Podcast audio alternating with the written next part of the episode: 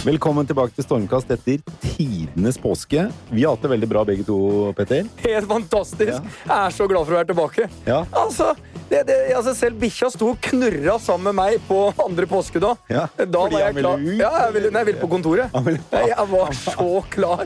Altså, Da var, da var det så mye sol og ville- Kvikk Lunsj og Ville Øbbe også tilbake på kontoret? Nei, Øbbe bare skjønte at hva er det vi holder på med nå? Jeg prøvde å ligge og dra meg til klokka seks, sola skinte, og jeg tenkte nå er jeg ferdig. Nå må, nå må jeg begynne å jobbe igjen. Ja. Og, det, og her er vi. Ja. Godt å se deg. I like måte. Jeg ser at jeg har hatt bedre vær enn deg. Ja, ja, ja. ja, ja. Men du har jo også unger. Din, Du, din, mye, du hadde innepåske. nei, jeg, jeg hadde litt innepåske, ja. Men eh, Nei, jeg har vært mye ute òg. Men min, Men det solfaktor 70 trodde ikke jeg min brukte. bruntone er jo på generelt grunnlag en god del lavere enn din, da. Den eh, Du har litt mer engelsk hud, vil jeg si. ja, gjennomsiktig. Jeg, jeg, Ok. eh, bruk en polett. Ja. Vi har eh, et fantastisk eh, spennende tema i dag. Kvartalsrapporter. Eh, Og rapporteringshysteriet, som eh, noen eh, mener det er. Og til å gjøre oss smartere og klokere på det området, så har vi jo to outstanding representanter for norsk næringsliv. Kjersti Hobbøl i Nille, velkommen. Takk. takk. Og Odd Arild Grefstad i Storebrand, velkommen. Takk for det. Dere leder jo begge selskaper som må rapportere hvert kvartal. Eller, ja, må du Nei, rapportere, Kjersti? Nei, vi tar det. Jeg skulle til å trekke meg der, fordi Odd Arild, du gjør det. Men du må ikke nødvendigvis, men du gjør det. Ja, jeg tror faktisk jeg må ut fra finanslovgivning foreløpig, da. Du må, ja. Ok. Men Kjersti, du bør jo ikke det, fordi Nille er ikke børsnotert, og dere kan eh, forholde dere til andre Ja. regler. Men i hvert fall, det er eh, sånn der. Vi må si en ting til. Vi ses neste uke, vi, Kjersti. Ses neste Ja. torsdag 2. Ja, mai. det gjør vi. På The Hub. På The Hub Ja. eh, på Jernbanetorget klokken seks 2. mai så har eh, vi en eh, livesending, Petter. Da skal vi fleske til med live podcast, og det blir musikk, fest, fantastiske gjester, ordentlig trøkk, eh, og vi skal kjenne på hvordan det er å være ordentlig live foran 1000 mennesker. Ja. Bjørn Kjos kommer, Atle, Aksel Lund Svindal kommer, Kjersti Hobbøl kommer, det kommer flere andre utrolig kule gjester også. Eh, risiko er tema. Jeg tror det kan bli kjempebra. Så gå inn på Ticket.co og bestill billetter. Det er fremdeles noen billetter igjen, og vi håper å fylle storsalen på The Hub. eh, til det tyter publikum ut av alle nødutganger. Eller det er er kanskje svær. ikke greit, det. Det er ikke greit. Nei, det er ikke greit. Men uh, gå inn på Ticketco. Vi kjører i gang med dagens tekst.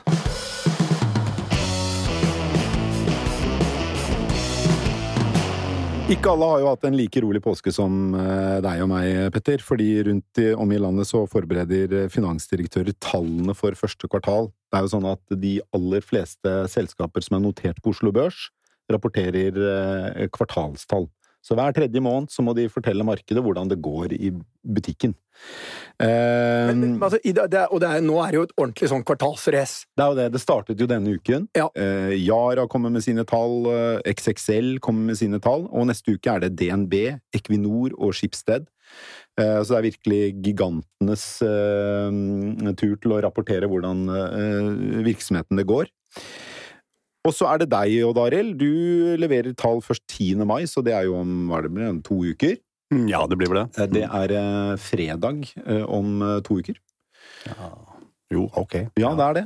Det er det. Uh, øhm, hvordan opplever du kvartalskjøret, som noen kaller det? De, folk mener jo at det er liksom altfor mye fokus på kvartalsrapporteringene. Nei, altså jeg er litt delt på det, eh, på en måte. Så det er klart at det- kan bli sånn kortsiktig fokus. Det er jo det som er veldig mye av eh, det man sier imot denne kvartalsrapporteringen. At man blir fokusert på korte tidsperioder, at det blir kortsiktig kjøp og salg av aksjer, at man ikke bygger mot langsiktige aksjeeiere, og at ledelsen bruker veldig mye av tiden sin på å detaljforklare resultatelementer som egentlig ikke betyr noe som helst i forhold til en langsiktig inntjening. Så tenker jeg at eh, det er eh, Altså Når man løper en 10 000 meter, så er det jo greit med noen rundetider også. Så gi noen løypemeldinger underveis, det tror jeg er fornuftig. Eh, Men det er kanskje litt opp til oss alle hvordan vi legger en innhold i en kvartalsrapportering. Jeg tror nok at vi har brukt og bruker for mye tid på å diskutere avvik på resultatlinjer, i stedet for å snakke om hvor virksomheten vår er på vei. Hva er konkurransebildet? Hvor er markedene? Hvor er litt de lange trendene og gir et løypemelding på det? Så brukt til det, så syns jeg det er veldig nyttig og fornuftig å snakke med markedet en fire ganger i året og få feedback også fra markedet som jeg kan ta med tilbake til min egen virksomhet. Hvor mye tid bruker du på å forberede en sånn kvartalspresentasjon? Altså, I virksomheten bruker vi en god del tid selvfølgelig med CFO-området etc. Altså finansdirektøren og, ja, finansdirektør og. IR etc. Mm. Og så går jo veldig mye av den uka med rapportering eh, med til meg også, med forberedelse til styremøter. eh, Mange styremøter, selvfølgelig. Vi skal gjennom med tallene, og så er det offentliggjøring. Og så drar vi ofte på roadshow med London dagen etter offentliggjøring i Norge, og så er det enten USA eller en annen eh, europeisk by på da. fredag. Vi har New York og Boston som Ja, våre hubs. Og roadshow, det er jo da møter du har, hvor du da, det er investorer og analytikere uh, du møter. Det er riktig. Ja. Da møter man, setter opp masse møter med investorer, og analytikere og en stor Også én-til-én-møter med store aksjonærer, eller Veldig mye én-til-én-møter. Absolutt. Ja. En dag i London er ofte en åtte til ti møter der man kjører rundt og møter stort sett én-til-én-møter, og så er det ofte en eh, presentasjon for analytikere midt i. Men er det da sånn at du kjører rundt, eller kommer de til deg? Nei, da kjører jeg rundt og møter de, ja. Det blir jo en ganske hektisk dag, da. det er jo ikke lett å komme seg fra A til B i London. forutsigbart i London, så Ja. man uh, er avhengig litt av at det legges opp en løype som er litt fornuftig. Ja. Mm. Hvordan forbereder du deg helt konkret til eh, selve presentasjonen av kvartalsresultatet 10. mai? Hvordan, hva, gjør du frem mot det møtet? Jeg begynner jo, og bruker jo tid nå på å begynne å skjønne litt hvordan resultatene fremkommer. Eh, Snakke med folk, eh, få en oversikt over og få tallene inn under huden. Sånn at jeg bruker lite tid de siste dagene til å skjønne tallene og utviklingen.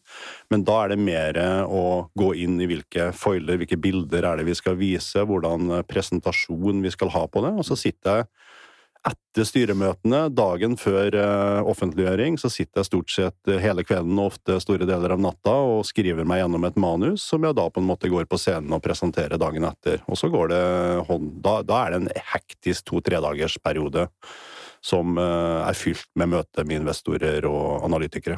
Kjenner du savnet, Kjersti? Nei. Gjør ikke det. Du gjør ikke det? Nei. Ikke jeg heller. Men, men det var helt greit. Fordi Eh, du ledet jo Kid Interiør, som du, Ja, vi eh, du tok det. på børs, Ja, og måtte da vi- rapportere hvert kvartal. Og, og, og der er jo forskjellen, da, er jo at Storbanen er jo et stort konsern, mens Kid var jo en liten retail-aktør. Og det er klart at vi kunne ikke ha den type ressurser som Storebrand har, til å utforme materiell, øh, kna tallene på den måten. Så CFO-en og jeg, vi gjorde jo For å skjerme organisasjonen i Kids, så tok jo vi det, og bøffra det. Så vi eide jo liksom hele den børsnoteringa og eh, all kommunikasjon med markedet, investorer og aksjonærer. Du hadde med det vi kaller sånn eh, sing and dance. Ja. Men da, og da satt du, eh, konsernsjefen i Kid Interiør, og flikket på fontstørrelsen på tittelen på slide 8. Var det på det nivået, eller? Nei, jeg fant bildene, jeg. Du fant bildene, og så fant CFO-en Ja, ja. Han, Petter gjorde det. Men, men det fungerte kjempefint. Eh, men når et selskap blir såpass lite, og Kid er en kjempeliten aktør på, på Oslo Børs, ikke sant, eh, og kanskje en til dels illikvid aksje som burde fått eh, bedre uttelling for de kjemperesultatene som det gode selskapet leverer, eh, men, men da kan du selskapet på en annen måte. Det er så stort, det Storebrand er. sånn at du eh, Vi hadde det under huden hele tiden, så jeg, jeg har aldri skrevet noe manus. Det er bare å putte på 50 øre, og så Du tok det ja, du som kan, du kom? Ja, ja. Det er um, Eh, Men det var jo fra, fra og med 2017, ser jeg i eh, underlagsmaterialet vårt, så fjernet Oslo Børs og Finansdepartementet krav om at man måtte rapportere hvert kvartal. mm, Eh, Du kunne rapportere halvår og helår. Eh, Mm. Så for de fleste selskaper da, at resultatet per 30. juni og per 31. Ja. desember. Var det noe du vurderte? diskuterte det. Dere gjorde det, ja? Ja. Mm. Men faren ved å gjøre det som en av kanskje veldig få, kanskje den eneste faktisk, er jo at du, du blir jo da helt glemt Mm. som aksje. Og så er det jo sånn i, i retail at det, det er store eh, sesongmessige variasjoner. Så det å forklare markedet hva som skjer og hvorfor det skjer, det holder jo Altså det året vi gikk på børs, 2015, så var jo den kaldeste sommeren på 55 år. Det førte jo til at omsetningen vår i juni-juli ble mye dårligere i forhold til at folk ikke kjøpte uteputer eller den type ting, eh, enn det vi hadde forventa. Og da var det tungt å skulle børsnotere det i oktober-november, når du hadde en så dårlig sommer bak deg. Og det å forklare det, det brukte vi mye tid på. Mm. Så, så du får alle disse her tingene, implikasjonene som slår inn. Og sånn sett så er jo markedet relativt kortsiktig, da. Det er den største utfordringen, følte jeg. Bare det at påsken faller i mars det ene året og i april det andre året, er jo nok til at du må bruke halve presentasjonen på å forklare det. Men øh, i Storebrand, og du er der, og du møter, la oss ta London eller New York, Mm. du møter disse store aksjonærene. Mm. De sitter der i disse fantastiske bossdressene sine, og alle Ja, ser helt like ut. 100 etasjer. Ja, og du kommer inn. Opplever du ikke at det er et sånn ekstremt fokus på eh, hva kan du komme til oss med av gode nyheter? Eh, hva er altså, Hvor mye guider du? Hvor ærlig er du? Eh, hvis du ser at det kvartal Nå har det levert et jævlig bra kvartal, eh, men det ser ikke noe bra ut fremover. Er det sånn at du da, hvis de spør hvordan ser det ut fremover, guider du litt da, eller eh, er dere ganske strikt? Altså, vi, vi, vi guider jo ikke, men vi forteller jo om den virksomheten vi driver, hvordan vi ser markedene, og så gir vi en lik informasjon. Man sitter ikke i et enkeltmøte og gir en informasjon til en aksjonær som gir han en fordel. Da setter jeg jo den aksjonæren i en innsideposisjon, så jeg må være veldig obs på Det er kanskje det man jobber mest med, å sikre at man gir et budskap som gir enhetlig til alle aksjonærer, sånn at det blir en level playing field for aksjonærene våre. Og så kan jeg gå og drille ned i virksomheten, og jeg kan virksomheten vår godt, så jeg kan gå inn i de forskjellige enhetene og fortelle om hvordan jeg ser markedene, og hvordan jeg ser konkurrenssituasjonen, og hvordan jeg ser regulatoriske endringer kommer og treffer virksomheten vår. Men jeg guider ikke på, på resultater fremover i tid. Det gjør vi på en kapitalmarkedsdag, så forteller vi av hele markedet hvordan vi ser virksomheten vår fremover de nærmeste to årene, og setter målsetninger for det. Men, Syns du det er vanskelig det, når du, dere kommuniserer til hele markedet gjennom børsmeldinger og, og, og kvartalsrapporter? Eh, forventninger, eh, nyheter som har avgjørende betydning for Storebrand. Og så sitter du i et møte, du er sliten, det er møte syv eh, i London, eh, det begynner å dra seg mot kveld, og du har en eh, forvalter som er sylskarp og vet akkurat spørsmålene han skal stille. Er det da eh, vanskelig å holde seg til budskapet og ikke si noe annet til denne forvalteren enn det du har kommunisert til resten av markedet? Nei, Men det er en læringsprosess. Altså, jeg merket i, da jeg var, jeg var jo CFO før jeg ble konsernsjef. eh, og den, den læringsprosessen med å vite hvor grensen går, hva er på en måte innsideinformasjon eller informasjon som jeg ikke har delt i en public setting, og hva jeg kan si i enkeltmøter, og vite hvor grensen går, hele tiden ha det i ryggmargen. Det har jeg i ryggmargen nå, så nå er det ikke noe problem. Men det er en læringsfase å komme dit og vite når, eh, hvor grensen går. Det må jo være eh, veldig vanskelig å vite hvor den går òg, ikke det?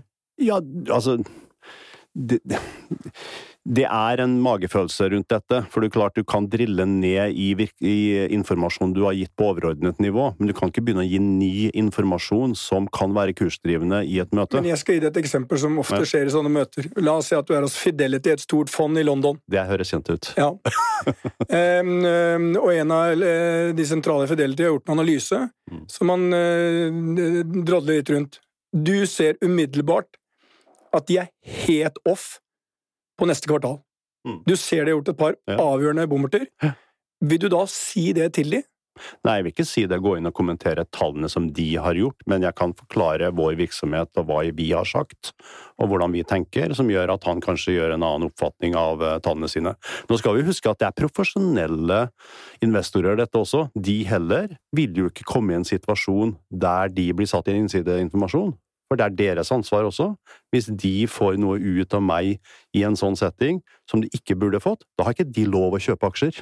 Men, men Og det er de, det er de deg ekstremt jeg, av. jeg skal Altså. bare gi deg et nytt dilemma. Ikke noe som storbransjesjef, men rent sånn generelt hva som skjer i markedet. For det, det handler jo veldig mye om å levere på forventninger. Det, det, ja, Ja, ja. det er litt det ideen er. er det som er problemet med kvartalshysteriet. da. Hvis du, du hele tiden skal tro at du skal slå Forventningene. kvartalens Så det er jo da viktig at forventningene eh, At du kan eh, i hvert fall levere litt over forventningene. Mm. Og det som jeg det, det jeg tror kanskje kan skje, er at det mellom en eh, finansdirektør eh, i store selskaper, og de har jo tett kontakt med meglerhus, både norske og internasjonale, og når de skal gjøre analyser, så hjelper litt til, slik at eh, forventningene eh, er mer i tråd med hva de har mulighet for å levere. Og sånn sett så vil uansett store aksjonærer og andre som har tett kontakt med store nå få eh, mer informasjon enn andre. Tror du at det skjer i noe utstrekning på selskaper i dag, på hovedlista? Altså det er, eh, Analytikere kjenner virksomheten veldig godt, og de har sine regneark, og de har jo kontakt med Investor Relation eh, og får informasjon rundt det. Og så gir jo de analyser ut i markedet om hva de tror. Men jeg tror det er Altså, jeg, kvartalsrapportering i seg selv tror jeg er bra hvis det har en riktig funksjon og det gir en riktig eh, innhold i det. Det som er problemet, det er at eh, hvis jeg f.eks. skal begynne å bli opptatt av daglige kurssvingninger i Storbrandaksjen, Mm, mm. og er opptatt av at vi skal nå uh, våre forventninger hvert eneste kvartal, det blir helt feil. Jeg må være opptatt av at vi skaper verdier, og at vi klarer å kommunisere at vi skaper disse verdiene. Så får for så vidt aksjonærer bestemme hva kursen på aksjen skal være. Og langsiktig så er jeg opptatt av at det selvfølgelig er en god utvikling i den kursen, men hvis jeg begynner å bli opptatt av kvartalsvise eller daglige kurssvingninger i Storbrannaksjen, da blir jeg helt gæren, altså. Det går ikke. Kjersti, eh, du nevnte jo selv været da Kid Interiøret gikk på børs i 2015. eh, Og det er jo noen selskaper som er veldig væravhengige. Eh, XXL er jo et annet eksempel. De leverte jo resultatene sine for første kvartal i går, og været var blant forklaringene de hadde på resultatet. Og det er en forklaring de har brukt i veldig mange kvartaler. Enten det er en god vinter, dårlig vinter, dårlig høst, eller hva det enn er. Eh, og mot, det brukes jo mot XXL, at de forklarer resultatene med været. Ja, ikke sant. Forklarer de resultat, gode resultater med været, eller dårlige, så brukes det mot dem. Men sannheten er at vi forbrukere, vi er mye mer styrt av været enn det vi tror. Vi tror vi har planlagte kjøp, eller at vi tenker rasjonelt. Vi gjør jo ikke det. Vi løper ut og kjøper ski når det snør, eller akebrett når det snør. Og vi ser jo innenfor interiør i hvert fall at hvis det kommer kjempefint vær, så vil folk ut, sitte ute, da skal du ha uteting og pynte og stæsje, da detter det ned i hodet på deg. Så ja, vi kan styre mye på markedsføring og hvordan du spacer opp butikkene, men forbrukeren er mye mer impulsivt styrt enn det vi liker å tro. Men øh, det er mange som liksom himler med øynene når øh, XXLs ledelse snakker om været. Eh, For XXL eh, vil jeg tro det oppleves som ganske øh, urimelig, fordi været har en del å si. Opplever du at øh, det kan Eller har du opplevd, som Kid interiørsjef tidligere, at det var vanskelig å forklare de egentlige grunnene til det gode eller dårlige resultatet? Fordi det var ikke det markedet ville høre, de ville høre en annen historie. Ja, ja, ja. Eh, Sånn som når vi gikk på børs, så var det vanskelig å få investorene, også fordi vi skulle på børs og de ikke kjente selskapet, til å tro på historien at det været den kalde sommeren spilte inn. Ikke sant? Vi solgte jo ullpledd eh, en masse den sommeren fordi det var så kaldt. Det gjør du ikke vanligvis på en, en sommersesong. Sånn at eh, det er en kjempestor eh, utfordring. Og som sagt, bare det å forklare variasjonen i antall eh, salgsdager fordi påsken enten faller i første kvartal eller annet kvartal, eller gud forby at halve påsken er i første kvartal og andre halvparten er i andre kvartal. Altså, du skulle ikke tro det var vanskelig, fordi, men det er det. Men har du, noen, har du tenkt noen ganger at herregud, de er tjukke i huet? Nei, jeg tenker ikke. Jeg tenker at eh, det vi driver med er en så bitte, bitte liten del, altså det Kid driver med er en så bitte, bitte liten del av et kjempestort marked som heter Oslo Børs, at det skulle bare mangle om de skulle bruke all energi på å forstå svingninger som vi driver med til daglig. Men det er så Jeg, jeg er nesten litt motsatt. Jeg, jeg, jeg er stadig imponert når jeg kommer på et kontor i Boston, og så sitter det en kar og så lurer jeg på hvordan det går med utviklingen i garanterte fripoliser i Finansdepartementet i Norge. Altså. Ja. Det er ikke mange nordmenn som har peiling på hva det der betyr engang. Men Men, han, det- han kan det, altså. Men når de sitter der sånn, Ja, ja. disse slavene som man kan kalle de, som eh, kommer fra Harvard og eh, Stanford, og de står opp fem om morgenen, og de går ikke og legger seg før midnatt, eh, og de første fem årene av livet deres er ikke noe liv. Det er klart han vet omtrent mer enn din finansdirektør, og han sitter og ser på mye, alle altså. tallene. Men én ting. Det, det som er interessant der, eh, jeg hører jo er at du forsvarer litt eh, kvartalsrapporteringen, Ja, det- altså men men mitt, Det å gi løypemeldinger, Er det, det å gi en- frempek, men det, jeg tror nok det er altfor mye fokus rundt resultatet. og nedbrytning av det kvartalsresultatet, det betyr jo ingenting i en sammenheng. Til de føremeldingene dine så skal jeg gi deg litt is i rubben nå, da, for å si det sånn. Eh, det, er, det er noen Problemet jeg har med Jeg har opplevd det, for jeg har sittet og ledet flere børsnoterte selskaper. En, tiden og ressursene organisasjonen bruker på det. Ja. Den tidshorisonten ofte investoren jeg møter, eh, hadde på det. Det enorme fokus rundt ikke hva vi gjorde, viktigheten av de tingene vi gjorde, spesielt på miljøsiden, på samfunnsansvarssiden, på ting som de ikke så kortsiktig ville påvirke kursen i den retningen de ønsket, altså opp. Um, og hvis du ser på investorhorisonten i dag, på da London og New York og sikkert over hele den vestlige verden, så har den gått fra kanskje fem til ti år til måneder. Eh, Og det tror jeg er et problem. Og en av de som har kjempet mye med dette, er jo han der Paul Polman i Unilever. Absolutt. Et av verdens største selskaper. Ja. Han gikk bort fra kvart kvartalsrapportering. Mm. De gjør litt det du er innom. Så mitt spørsmål er, Mm. har det alltid vært sånn eh, i Storbritannia at dere har eh, hatt en relativt sånn kvartalsmessig orientering? Nei, vi har ikke alltid hatt det. Jeg har jo med meg en liten bok her i dag fra de første årene til Jørgen Gjerdrum, som var den første konsernsjefen i Storbrann. Eh, Det het jo noe annet før, men eh, det er fra 1847. Da skrev han en 25-årsberetning. det, Og det skrev- Det skrev han av at han, ja, han var i harnisk over disse femårsberetningene, som var altfor korte tidsperioder. Han syns det, med vår type lange virksomhet, så må man ha litt lengre perspektiv enn fem år. det er kortsiktig. Det er for kort. Det er er kort. Så det, det er jo på en måte et litt dilemma. Men klart, 25 år er kanskje litt langt. Ja, altså, men det er noen lange Lange Når vi tar imot pensjonspenger for en 20-åring, så vet vi at vi skal utbetale det siste om 60 år. Da. Så det er jo en langsiktig virksomhet vi driver. Så sånn sett, det at man prøver å trekke litt lange linjer og lange utviklingstrekk, det er jo veldig bra. Men han skriver jo utrolig mye godt om Har du kvartals... noen fantastiske Ja, er, sitater? Nei, jeg, jeg kunne jo lest mye her, altså. Kunne lest hele boka, det, det er jo fantastisk, men han skriver jo at det er min erfaring at publikum i alminnelighet altfor meget holder seg alene til resultat, og at mengden når dette virker, viser et godt utbytte, også, også synes at det hele er vel gjort, og dømmer det ut for å være en fornuftig styret foretagende. Medens omvendt det uheldige resultat fordømmes som ufornuftig bestyret eller slett anlagt. Og så drar han på om dette at det er jo gode planer og mye godt arbeid som kan medføre svake resultater på kort sikt, og man kan være heldig som spekulant på kort sikt. Jeg tror Dette er en mann etter mitt hjerte. Jeg tror Ja, ja. denne mannen mente at eh, de som vurderte storbrannresultatet, var idioter. Ja, De som- Det tror jeg òg.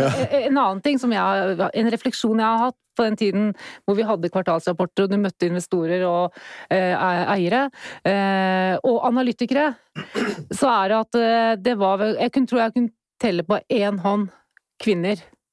Ja. Hvor er dere hen, Du møtte såpass mange kvinner? Ja, I løpet av eh, fire år, ja. Nei, jeg, men jeg, jeg tror ikke jeg møtte ja, det, det var kanskje et par kvinner eh, i de årene jeg satt som Ja. leder. Og for, og for meg, da, å skulle forklare eh, KID og interiør, og hvorfor dette er god butikk, og hvorfor dette her er en solid cashflow til alle de gutta i eh, dressene sine der, det, det tok litt tid, altså. Ja. Så, så det jeg etterlyser jo det igjen. Eh, jenter, hvor er dere? Tror dere det blir flere eller færre rapporteringer fra selskaper notert på børsen i årene fremover? Det blir vel ikke flere? Nei, Det blir ikke flere, og jeg tror og håper at innholdet blir litt annerledes fremover. Og så må jeg si at jeg har møtt Paul Polman et par ganger. Fantastisk eh, fyr. Han er jo liksom en ledestjerne for oss som ønsker å drive selskaper med purpose, eh, altså et formål og, og rundt bærekraft. Og eh, jeg følger jo veldig mye poengene hans. Det var første dag på jobb han avskaffet eh, kvartalsrapporteringen, for han sa de kan ikke sparke meg første dag, i hvert fall. så skal du gjøre det, så må du gjøre det med en gang. Ja, og det er mange år siden nå. Ja, Det er mange år siden. Det var i 2007-2008, tror jeg Ja. han kom inn. Ja.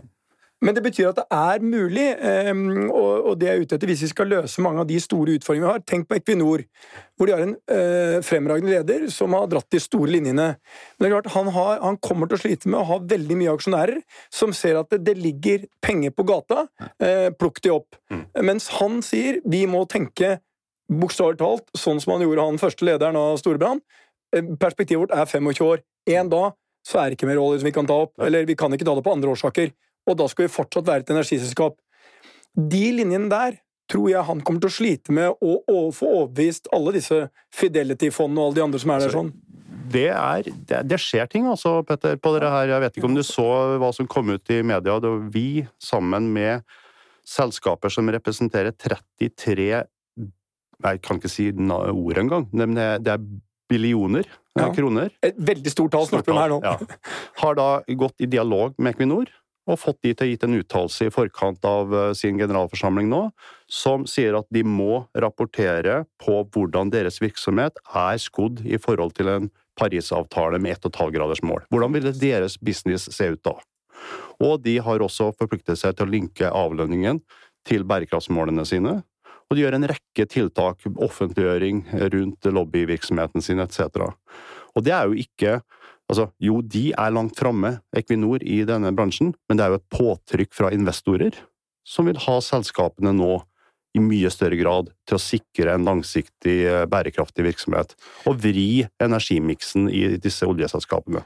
Hvis du ser på uh, hvordan Vi inn- må bare, dette, dette er helt fantastisk, det som uh, Odd Arild her sier. Ja, og det, hvis du ser på dagens rapportering, så, så er jo den fremdeles forbløffende manuell, eh, til tross for at mange prosesser er automatisert. Men fremover så, så vil vi jo se at både internrapportering og revisjon av selskaper blir mer og mer automatisert, Absolutt. ikke minst med kunstig intelligens. Ja. Og dermed så er det jo mulig for selskapene å rapportere mye oftere enn i dag Ja. eh, på nøkkeltall som sier noe om hvordan virksomheten går. Absolutt. Eh, som jeg tror vil skje, at kanskje Storebrand Jeg vet ikke hvilke nøkkeltall som er viktige for investorene av Storebrand, men at dere kanskje en gang i måneden eller en gang hver annen uke rapporterer på liksom sentrale nøkkeltall, sånn at dere kan frigjøre mental kapasitet og tid til å rapportere på flere og viktigere ting enn bare hva som står på bunnlinjen. Og jeg synes det er, for eksempel er jo underlig at vi i 2019 har um, Du må rapportere på valutarisiko i alle selskaper, eh, men du må ikke for Hydro, da, for eksempel, måtte ikke rapportere på klimarisiko, selv om de åpenbart ble bitt av det i Brasil. De må ikke rapportere på eh, IT-risiko, selv om de er til de grader bitt av det i år. Så det er jo andre risiko eh, i selskapene som kan være like store som de selskapene er vant til å rapportere på, men som de overhodet ikke rapporterer på i dag. Og humankapitalen din. humankapitalen. Hvordan den utvikler seg. Ikke sant? Slutter nøkkelpersoner som er ekstremt viktige, eller har du rigga deg feil, da? Ja. Ikke sant? Så Så jeg tror på hyppigere rapportering av det vi bruker veldig mye tid på å rapportere i dag, men som kanskje kan automatiseres fremover. Og, og kanskje eh, annen type rapportering. At du Gode løypemeldinger. Ikke sant? Og at du da, når du skal på roadshow til London, om, hvis du er storbandskonsernsjef om ti år, så er det kanskje en helt annen eh, eh, presentasjon du holder. Ja. Mindre tall eh, på, på hva som står i regnskapet, og mer på andre. Helt enig i det, og jeg tror dette kommer til å automatiseres, og tidsbruken er jo selvfølgelig et, et forhold her. Men jeg må bare også si at når jeg drar på disse roadshowene, det er veldig få møter jeg bruker tid på å snakke om resultater. Det er egentlig hvordan markedene ser ut, hvordan regulatoriske endringer kommer til å slå inn, hvordan ser businessen og de forskjellige linjene ut fremover. Det er det det er det de er opptatt av, de jeg møter på disse roadshowene. Så, og det gir jo meg også input på, for de har jo snakket med mange andre.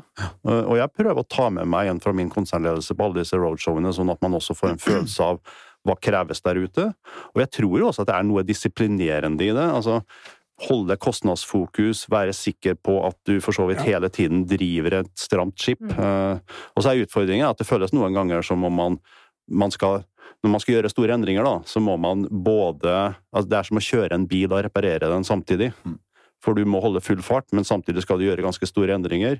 Og det ser vi jo f.eks. med private equity, da, som eh, jo Altså, eh, der er, tar man jo en del selskaper av børs for å ha tid og rom til å gjøre store endringer, eh, og så på en måte komme tilbake på børsen man har gjort de endringene.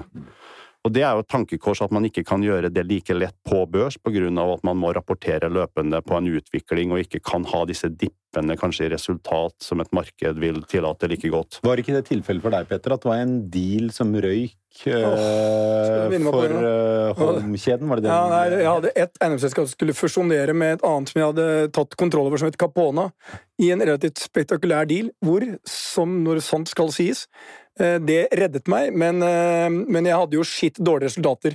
Når jeg dro på det roadshowet, så snakka jeg om gode røde tall, og det er vanskelig for enhver investor å forstå. Men jeg hadde da, jeg hadde da linet opp for å fusjonere, eh, og dette er vel omtrent sånn som Røkke sa en gang. Dette er den perfekte fusjon. Jeg har gjeld, og dere har cash, og vi fusjonerer. Eh, Men så ble den blokkert. Jeg har aldri brukt så mye tid med investor. Jeg hadde to børsnøyde selskaper. Jeg, jeg syns jeg var i presentasjon hele tida, og det holdt jo på å knekke meg. Eh, men jeg kom meg gjennom og fikk jo fusjonert til slutt, og det ble jo en fantastisk reise for alle aksjonærene og alle de som holdt ut. Men det ble blokkert fordi dere var børsnotert, og det var noe med reglementet? Ja, det var mer enn én ting. Eh, Jeg brukte verktøykassa eh, på en måte som ikke Odd Arild noensinne ville vurdert engang. La oss kalle den kreativ. Den, jeg hadde en del verktøy der, så jeg fikk jo en, et par bøter for å kjøre litt for fort. Jeg vil bruke eksempelet jeg, jeg hørte på nyhetene i går. Det var en kar fra Porsgrunn som ble tatt i Skien. Eh, Politiet stoppa ham fordi han hadde ulovlige skilter. Det viste seg at skiltene var falske. Ikke bare det. Fyren kjørte en bil uten bremser. Og han bremsa på brekken, eller, eller på Ja, giret? bremsa på giret. Og, og det siste var Han hadde selvfølgelig ikke lappen. Og når jeg holdt på den perioden, så følte jeg det bare litt sånn Jeg ga gass uten helt å ha bremsene. Eh, og det, det gikk bra. Ehm, så, men det er jo sånn, den alvorlige delen av det Det Odd Arild Ennemar som er viktig, det er disiplineringen. Altså, det er disiplinerende å rapportere ofte. Og selskap som selv ikke er underlagt av eh, rapporteringsplikt som Storebrann, eller har IFRS-krav og mange som så er det for alle. Driver en liten butikk også. Det å rapportere ofte. Og ofte så er det jo bankene du må rapportere til, for du har lån og sånt nå, som sikkert Kjersti kjenner til. Du må rapportere til de. Så hvis ikke du er heldig å ha alle disse analytikerne og greiene som følger uh, børsnets selskaper og andre, så kan banken være en god, et godt korrektiv fra Eller hvis du har en eh, obligasjonslån hos Storebrand, eller hva det er for noe, eller Storebrand Bank, eller hva det er. Så jeg tror sånn vi skal ikke, Dette kan også være veldig positivt. Det kan være et korrektiv til oss selv. Nå kjører du kanskje litt for fort. Eh, Du har kanskje et problem med bremse og gasse. Og jeg vet ikke, Kjersti, nå er jo du Du har én eier. Ja, nå er jeg én eier. det er DNB. Ja. Men det betyr ikke at ikke du må rapportere. Nei, nei, nei. Og jeg har kjempetett dialog med eier. Ikke sant? Det, og det hadde vi eh, også før vi gikk på børs i KID. Altså, det å ha en god og tett dialog med eier slash styre, det er superviktig. Fordi det blir en god interaksjon. Og du er transparent, og du får gode innspill, og du får testa ut en del strategiske tanker som du eh, ikke Kanskje ja, det, Noen ganger er det ikke alltid like lett å vite hva man, hvilke store grep man skal ta. Eh, så, så det tenker jeg eh, er veldig, veldig viktig. Og jeg vil jo si en sånn erfaringsmessig tanke jeg har gjort meg etter alle møter med investorer, og som du også sa, Darer, at man får faktisk en god del gode innspill også. Det, det er ikke bare det at det er krevende og krever energi og trekker deg vekk fra core business og sånn. Du får masse gode innspill, så sett fra et annet perspektiv enn det driftsperspektivet du har i det daglige, for det er innmari fort gjort å gå seg ja, få løfta blikket. Det er veldig fort gjort å gå seg blind og, og sitte fast. Ikke sant? Men ble øh, hvordan, har, hvordan går Nille? Det er Fordelen med at du ikke er børsnytt, er at du kan prate litt om det. Ja, jeg syns det går bra. Det er, det er tøft, det er utfordrende, det er krevende. Er det fortsatt mye skjeletter som detter ut av skapene? Det er alltid noen skjeletter, og det er sånn Walking Dead er det. Sånn. Eh, men, men, men vet du hva? Dag for dag, eh, dag efter dag, så går det bedre. Hva visste Og- jeg at det var hele livet? Ja. Påskeegg om gangen. Og, og vet du hva, jeg tenker sånn at Nille det er faktisk eh, en, i folks hjerter i Norge, og det har en misjon. For det ligger på hvert lite nes hvor det ikke ligger så mange andre ting. Og det vi skal bare bli bedre på, er sortimentet vårt, å være relevant og ha det folk vil ha. Dette skal gå fint, altså. Det er en kjempegjeng som jobber her. Du, vi må bare kjapt innom Du nevnte jo risiko med humankapital i sted, Kjersti. ja. Og um, en som har utsatt XXL for litt risiko på humankapitalfronten den siste tiden, er jo sjefen for XXLs svenske virksomhet. Eh, han eh, Hva heter han? Han heter Fredrik Nei, Per Sigvardsson. Han eh, skrev et innlegg, eller på hans Facebook-konto eh, dukket det nylig opp et innlegg da den 16-årige svenske miljøaktivisten Greta Thunberg besøkte EU-parlamentet. Eh, et innlegg der han skrev, eller der det sto på hans Facebook-konto, da. det var så nær downs man kan komme. Dette er da en 16-årig jente som attpåtil har Aspergers syndrom. Eh, Så sier jo Per Sigvardsson at eh, ja, men dette har ikke jeg skrevet. Eh, Noen må ha hacket Facebook-kontoen min. Og i dag, Petter, du leste Svensk Avis på morgenkvisten i dag. Det er, jo ikke, det er jo ikke første gang har noen har hacket kontoen hans, da. Nei, han har jo vært utsatt for hacking før, åpenbart. Eh, Men, men hvis Han har kalt politikere i Sverige for idiot, for heks. Ja, altså, eh, la meg si det sånn.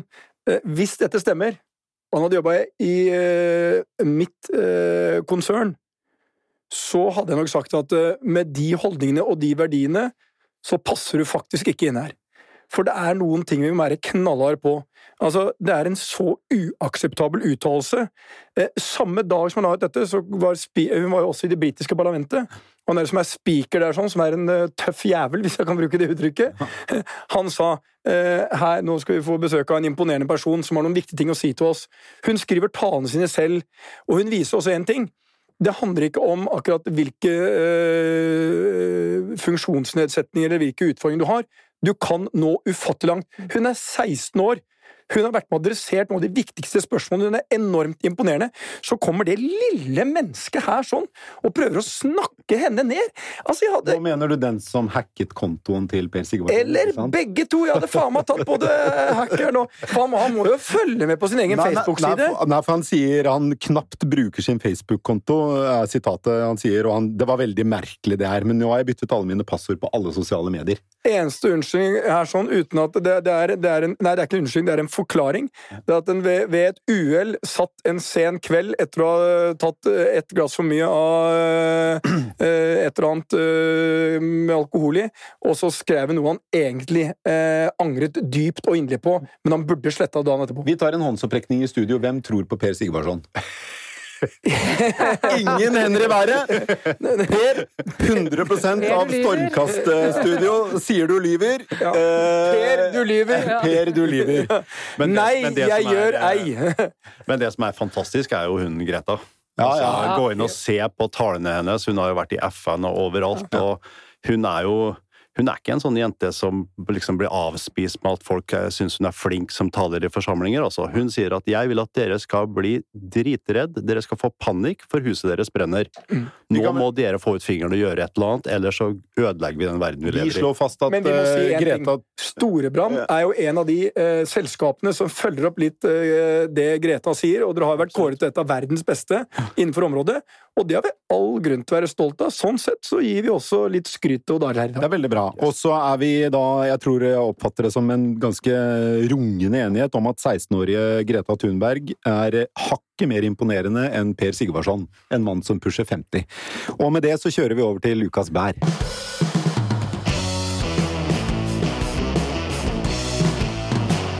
Petter, når vi åpner munnen, så tror vi jo sånn stort sett at det som kommer ut, er eh, fornuftig. Nå vet jeg det kommer noe som jeg ikke kommer til å være veldig stolt av. Jeg eh, fikk i hvert fall en tankevekker da Lasse André Lov Olsen, jeg tror det er sånn hans eh, mellomnavn uttales, la ut eh, et lydklipp eh, fra en eh, stormkastsending eh, på Instagram eh, på halv fart. Den må vi høre. Men vi må si en ting. Husk en ting. Her lærer man jo én ting. Det, det, det, det viktige å lære av dette er kommunikasjon består av langt mer enn det du sier. Sikkert 60-70% handler om eh, mer enn eh, akkurat det du sier, for her fremstår ingen av oss veldig bra, Per. Nei, det er nettopp det. La oss høre. Hun ønsker jo liksom å ja, studere et eller annet innen media. Er liksom den Mm. klassiske, ikke sant? Og så ender du opp med å jobbe noe helt annet, fordi det er jo altfor mange i media. Men eh, gjør det også, men vær best i det. Altså, gi liksom 100 mm. Men, men jeg har et spørsmål. Hva er bare sånn jeg, jeg har ikke så tung akademisk bakgrunn som dere. Men øh, jeg gikk nå på et Kjøpmannsinstituttet. Av både frukt- og grøntkurs for Bama og grillkurs for Gilde. Eh, det er ikke helt Harvard. Det er ikke helt Harvard. Eh, men det, er, det henger ganske høyt. Vi er jo ikke så begava når du senker eh, hastigheten på lyden med 50 nei, nei, vi passer best i full fart. Passer best i full fart. Interessant. Jeg tror du har helt rett. Altså, folk hører jo ofte ikke hva du sier. De ser hva du sier. Eller de hører det de forventer at du skal si. Eh, mens når du eh, eh, tuller litt med, med stemmen og gjør oss litt mer sånn heroinknekk i stemmen, da, så er det jo forferdelig mye rør som kommer ut av munnen på både deg og meg. Men, og Neira Matsic, som var eh, Ja. eh, gjesten. men husker du det berømte kapitalintervjuet av Gro Harlem Brundtland, Ja. som ble publisert av Nils Christian Gelmøyden? Yes, genialt intervju. Eh, jeg vet ikke om Gro Harlem Brundtland eh, helt deler den eh, påstanden. Nei, Hun ble jo rasende, og det var seks sider eller noe sånt. Intervju med Gro Harlem Brundtland, sitert ord for ord. Og det var seks komplett uforståelige sider. Ja, Det var utrolig fascinerende. Og hun har vært den lengstsittende norske statsministeren omtrent. Ja, det er veldig, gøy- veldig gøy. Men så vi bare gir Så vi er i godt eh, selskap, det var det jeg prøvde å si. Vi er, ja, vi er i godt selskap, ja. Eh, Men Lasse André Lov Olsen eh, på Instagram, han syns vi fortjener ukas bær for et eh, morsomt eh, stunt. Uh, Som fikk oss til å le ganske godt, i hvert fall. Veldig. Takk skal du ha, Lasse André. Um, så til dere, Odd Arild Grefstad i, uh, i Storbrann og Kjersti Hobøl i uh, Nille. Tusen takk skal dere ha for at dere kom. Og um, Petter, vi ses igjen neste torsdag. Torsdag er det live. Stormkast på The Hub. Gå og kjøp billetter, folkens! Petter og jeg vi skal sitte på en scene midt i rommet med tusen forhåpentligvis vennligsinnede sjeler i salen. Det blir kjempegøy. Og skal vi høre likheten mellom eh, Aksel Lund Svindal når han eh, gjør det fantastiske Beaver Creek, og Bjørn Kjos når han bestemmer seg for å bestille intet mindre enn over 200 fly. 222 fly. Jeg tar dem, jeg. Attack dem! Alle sammen. Ja. Ok, takk skal dere ha for denne gang. Truls Johansen har produsert sendingen som vanlig, og så høres vi igjen.